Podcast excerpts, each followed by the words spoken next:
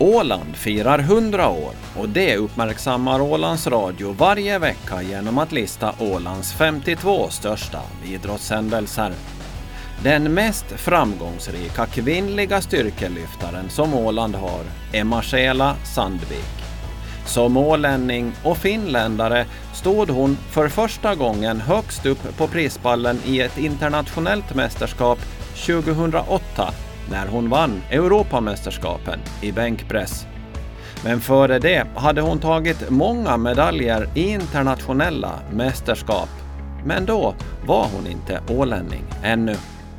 Men just som nybliven ålänning så var den dagen speciell för Marcela på flera olika sätt.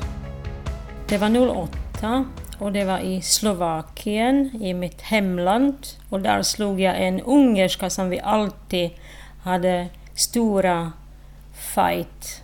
Men tyvärr alltid har jag förlorat. Men 08 då har jag vunnit. Och plus det var bonus att jag började tävla för Finland.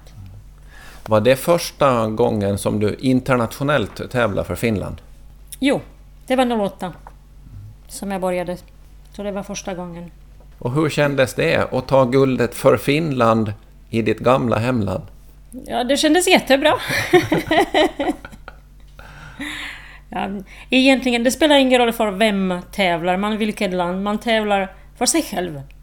Det är eget namn som kommer. Det tycker jag. Men före 08, och då hade du ju då representerat Tjeckien.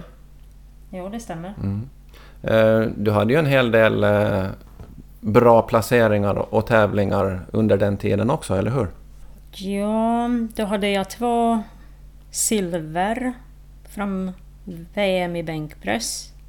Och sen hade jag också tre, fyra, fyra silver från EM i bänkpress. Och sen då mm, efter 2008 så hade ju kommit en och annan medalj där också då. Hur många medaljer är det i EM och VM för din del? Totalen? Ja, vi har räknat här hemma. 30 medaljer. Och hur många tävlingar har du varit med i? 51. På EM och VM.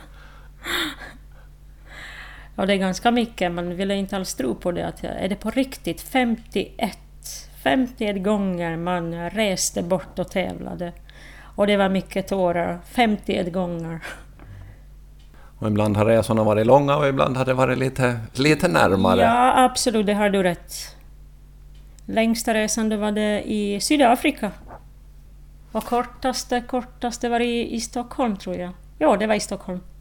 Eh, av alla de här 30 medaljerna, vilken eh, medalj är det som du själv är mest stolt över? Ja, såklart eh, VM guld i bänkpress 2016. Eh, det var min dröm. Alltid var det min mitt dröm att, att uh, vinna VM-guld i bänkpress. Plus att det var två år, inte alls två år efter förlossningen.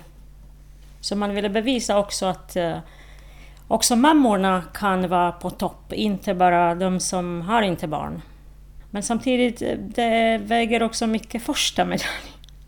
När man tävlar första gången på internationell tävling och det var 2004, där träffade jag just på den där tävlingen Kenta första gången och då fick jag silver. Så det minns jag också. Alltid den där första och plus guld i bänk-VM. Vad tävlar du helst i? Bara bänkpress eller styrkelyft? Styrkelyft är roligt, men äh, bänkpress är ännu roligare.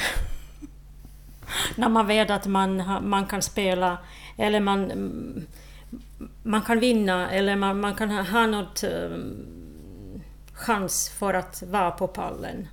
Men båda två är roliga. Det är, det är jättesvårt fråga det där. För man, ja, båda två är roliga. Och hur är det nu då? Tävlar du i, i, i båda momenten om vi säger så, ännu? Jo, det tävlar jag fortfarande.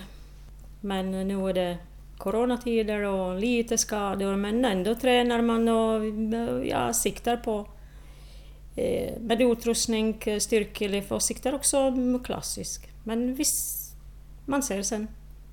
Eh, just som du säger, eh, din man Kenta då, eh, ni är ju, ni är ju båda styrkelyftare och även om Kenta numera mest håller sig till bänkpress, men hur, hur mycket sporrar ni varandra? Hur är det? Går ni ut och tränar tillsammans eller går du först och sen Kenta? Hur gör ni?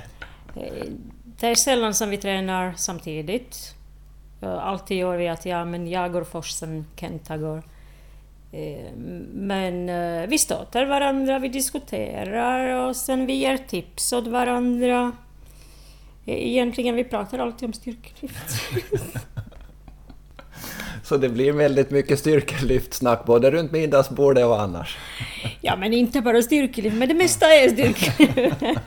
och träning och sen våra krämpor och... Ja. ja. ja. Nu har jag ont här och hur ska jag göra nu då? Jo, absolut, det är alltid... Ja. Ah, vad tycker du, du som är sjuksköterska? Ja. Vad, vad, vad, kan det vara?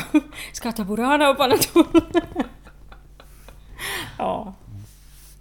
Eh, men samtidigt då, ni håller ju båda två på nu och du har inte funderat på att eh, än så länge i alla fall ser du något slut på din egen karriär? Nej, så länge kan jag knipa något eh, medalj då ska jag tävla i öppna. Men det finns alla olika ålderskategorier. Man kan vara 70 och tävla, 80 och tävla. Så nej, ingen, ingen fundering på det. Nej. Det har blivit en livsstil för er? Jo, absolut. E-, egentligen jag tränar från jag var nio år gammal.